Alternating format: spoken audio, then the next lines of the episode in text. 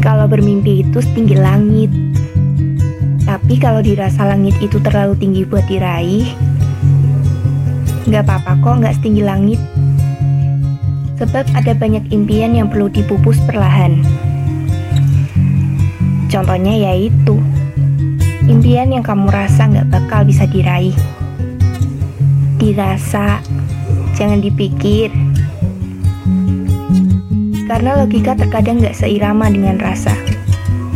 Suara yang terkadang benar, tapi kamu abaikan karena pikiran lebih dominan. Hati kecil yang selalu ikut dalam setiap tindakan, tapi enggan karena merasa diabaikan.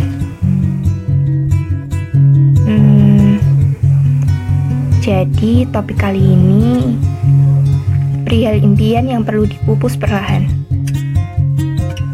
Gak apa-apa kok bermimpi. Aku juga sering bermimpi. Tapi juga merasa sering. Sering apa yuk?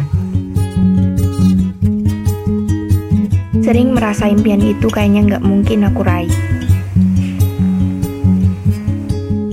Hmm, malah kesannya pesimis. Tapi enggak kok.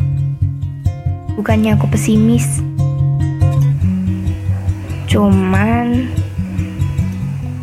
impian itu kayaknya bukan aku.